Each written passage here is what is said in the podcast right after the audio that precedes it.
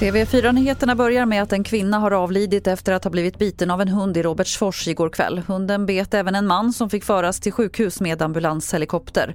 Exakt vad det var som hände är oklart. Vår reporter Peter Svanberg är på plats i Robertsfors.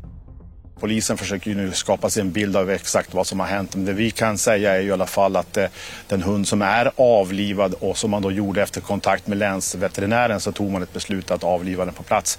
Det ska vara en typ amstaff och den hund som är omhändertagen då ska vara en schäfer. Så polisen jobbar nu naturligtvis intensivt för att skapa sig en bild av vad är det som har hänt eh, i det här huset och hur gick det här till. Så det lär komma mer detaljer senare under dagen. Idag kommer domen mot klimataktivisterna som limmade fast sig på E4 utanför Stockholm i slutet av augusti. Det blev trafikstockning och en ambulans under utryckning blev försenad.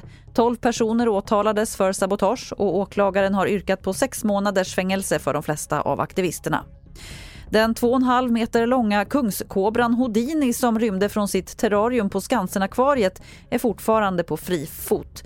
Ormexperter har kallats in och byggnaden har sökts av med kamera men hittills utan att ormen hittats. Under sökinsatsen håller Skansen-akvariet fortsatt stängt.